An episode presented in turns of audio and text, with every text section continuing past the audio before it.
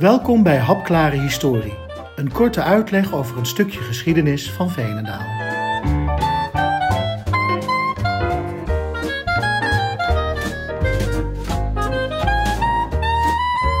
In Veenendaal wonen bijna 70.000 inwoners op circa 20 vierkante kilometer. Het dorp uit de jaren 50 is inmiddels een aardige stad aan het worden. De snelle groei van het dorp bracht de nodige uitdagingen met zich mee.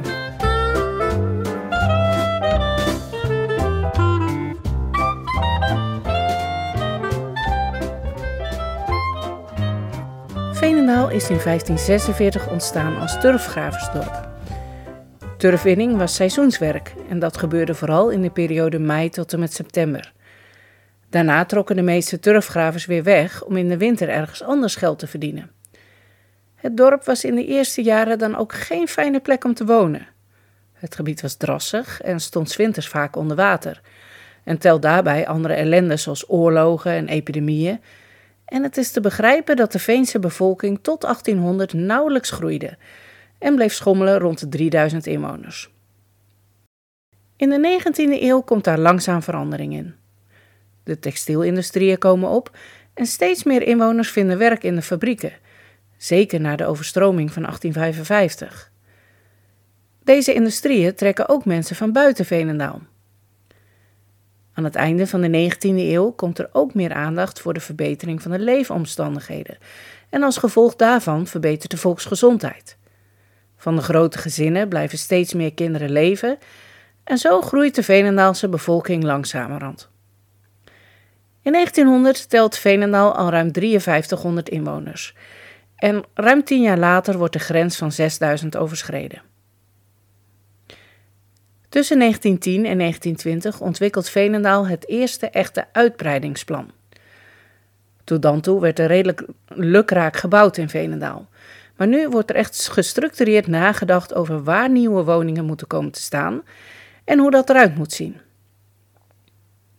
In 1922 ontstaan de woningcorporaties Patrimonisch Bouwvereniging en de Veenendaalse Woningstichting. Mede onder de invloed van deze corporaties worden een aantal straten over het spoor aangelegd en bebouwd. Denk bijvoorbeeld aan de Patrimoniumlaan, Talmastraat en de Costastraat. En waarom nou daar? Nou, dat was dicht bij de grote fabrieken, zoals de Ritmeester en de Panter die over het spoor gevestigd waren. Het is trouwens goed om te bedenken dat als we het over de uitbreidingsplannen hebben, het steeds over Stichtsveenendaal gaat, met een oppervlakte van zo'n 6 à 7 vierkante kilometer. Andere delen van het dorp horen bij Ede en Renswoude en een stukje bij Renen.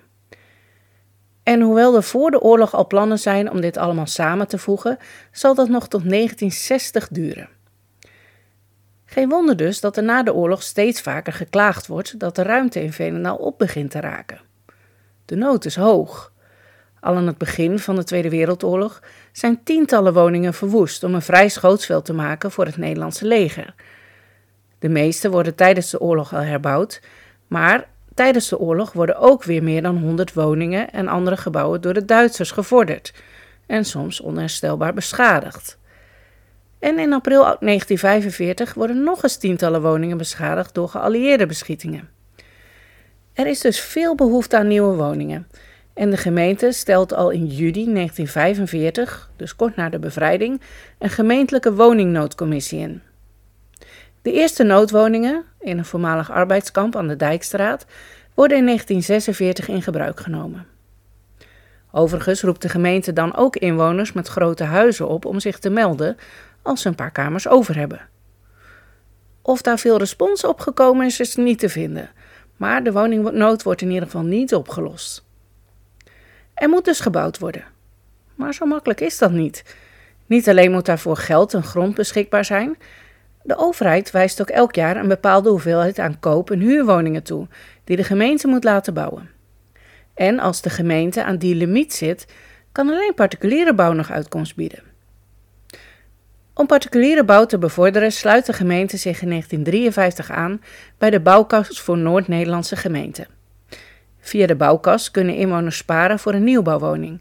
En als bij de aankoop het spaarbedrag niet gehaald is, staat de gemeente garant. Midden jaren 50 wordt het toegewezen bouwvolume korte tijd losgelaten. Niet de overheid, maar de bouwcapaciteit van de gemeente bepaalt dan hoeveel woningen er gebouwd kunnen worden. Veenendaal maakt gebruik van deze mogelijkheid om alvast een volgend uitbreidingsplan te maken. Ook over het spoor. In de wijk die we tegenwoordig kennen als het Franse gat. Hoewel er veel vraag is naar woningen, is er ook optimisme. Over zes jaar is Veenendaal uit de woningnood. Zo kopt plaatselijke krant De Vallei eind 1953. Het is heel optimistisch. De openstaande vraag naar woningen is dan al opgelopen tot boven de duizend, terwijl er in de jaren na de oorlog ruim 750 huizen gebouwd zijn. Er moet meer en sneller gebouwd worden. Het woord flats is in de raad dan al een paar keer gevallen en een jaar later wordt de eerste hoogbouw in Veenendaal opgeleverd. Nou ja, hoogbouw? Vier woonlagen, meer niet. Het Franse gat is nog nauwelijks klaar of er wordt alweer aan een nieuw plan gewerkt. Dat moet ook wel, want de bevolking is inmiddels gegroeid tot meer dan 15.000 inwoners. Achter de hoofdstraat wil de gemeente zo'n 500 huizen gaan bouwen. En tegelijkertijd wordt een uitbreidingsplan rond het Panhuis uitgewerkt. De gemeente heeft inmiddels de internationaal bekende stedenbouwkundige S.J. van Emden in de arm genomen. Een man met een duidelijke visie op woningbouw en stadsontwikkeling. In de woningbouw moeten niet alleen de woning zelf en het woongenot een rol spelen, maar de woning moet worden gezien als een bouwsteen om stedelijke ruimte vorm te geven. Veel van zijn tijdgenoten werken vanuit de wijkgedachte. De stad moet worden opgedeeld in wijken en wijken weer in buurten, zodat bewoners een overzichtelijke omgeving hebben waarmee ze zich kunnen identificeren. Daarnaast vinden deze architecten en stedenbouwkundigen dat steden ook weer niet te groot mogen worden. Hoewel Van Emten de wijkgedachte soms wat benauwend vindt, kan hij er zich wel in vinden, omdat stedenbouw niet voor alle, maar van alle is, zo stelt hij. Hij ontwerpt niet alleen het nieuwe gemeentehuis, maar ook het plan voor de Schrijverswijk.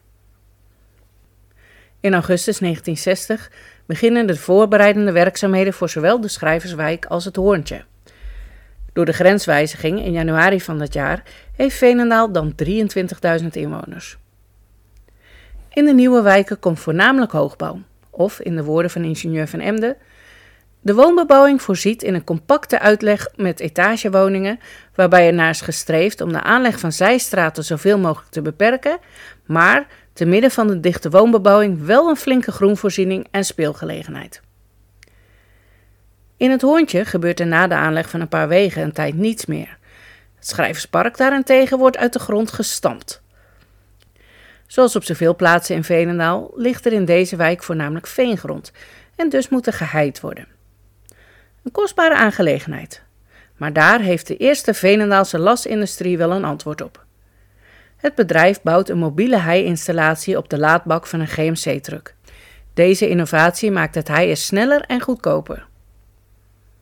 In de wijk worden 284 woningen gebouwd, waarvan 192 in de particuliere sector.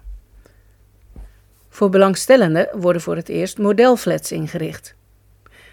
De gemeente wil daarmee eigen woningbezet stimuleren. Maar met een gemiddelde verkoopprijs van 24.000 gulden is dat voor veel Venendalers echt te kostbaar.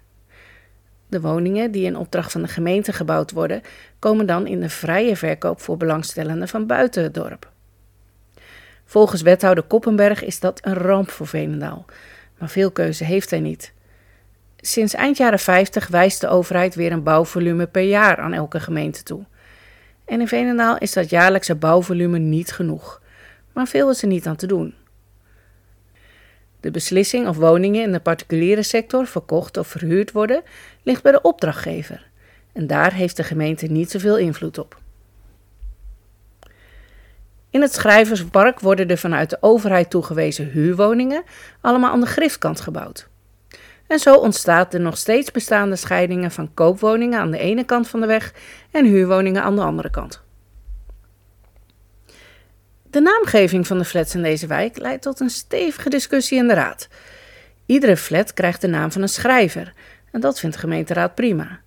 Alleen de naam Multatuli wordt door de leden van de christelijke fracties afgekeurd. De schrijver was een atheïst En dat vinden de christelijke raadsleden niet passen bij Veenendaal. Voorstanders van de naam vinden dit getuigen van kleindorpse politiek. Er wordt gestemd, maar één raadslid is aanwezig en de stemmen blijven steken op 9 tegen 9. Een maand later kiest de raad dan toch met de kleinst mogelijke meerderheid om de naam Multatuli wel te gebruiken. En in diezelfde raadsvergadering komt het voorstel om het niet over het schrijverswijk te hebben, maar het schrijverspark. Ook dat kost even wat moeite, maar uiteindelijk wordt dit voorstel wel goedgekeurd. De bouw van deze wijken is nog maar nauwelijks begonnen, of de gemeente begint al aan het plan Engelenburg. Er liggen dan 1600 woningaanvragen te wachten. In 1960 tot en met 1962 worden 700 woningen opgeleverd en in 1962 nemen de eerste bewoners een intrek in het Schrijverspark. Overigens is dat soms wel even winnen. Veel mensen stoken nog op kolen, die elke week geleverd worden door de kolenboer. Maar er zijn geen liften, waardoor de kolenboer met de zware zak op zijn rug naar boven moet om de kolen op de derde verdieping aan de deur af te leveren. Later verandert dat en worden de kolen bij de bergingen op de begane grond geleverd. De 700 woningen die in de begin jaren 60 worden opgeleverd, zijn dus bij lange na niet genoeg. En langzamerhand begint men bij de gemeente te beseffen dat hoogbouw onvermijdelijk is. Echte hoogbouw. Begin jaren 60 gaat het nog om drie of vier bouwlagen, zoals in het Jan Roekplantsoen. Maar in de wijk de Engelenburg verschijnen de eerste flats met zes bouwlagen aan de Palmengrift en acht bouwlagen aan de Grote Pekken. Eind jaren 60 wordt het PWA-park gebouwd met soms wel 13 verdiepingen. En eigenlijk is Veenendaal daarna nooit meer gestopt met groeien. In de jaren 70 en 80 volgen de wijken Dragonder en Veenendaal West. In de jaren 90 Petenbos en vanaf 2000 Dragonder Oost en Veenendaal Oost. De laatste 20 jaar heeft ook het centrum een ingrijpende gedaanteverwisseling ondergaan. Na het verdwijnen van de fabrieken in en om het centrum kwam ook daar woningbouw. Maar goed ook, want ondanks twee kleine grenswijzigingen met gemeente Ede heeft Veenendaal nu echt de grenzen bereikt. Waarschijnlijk betekent dat in de komende jaren nog veel meer hoogbouw. En nog op een schaal die men zich in de jaren 60 totaal niet voor kon stellen.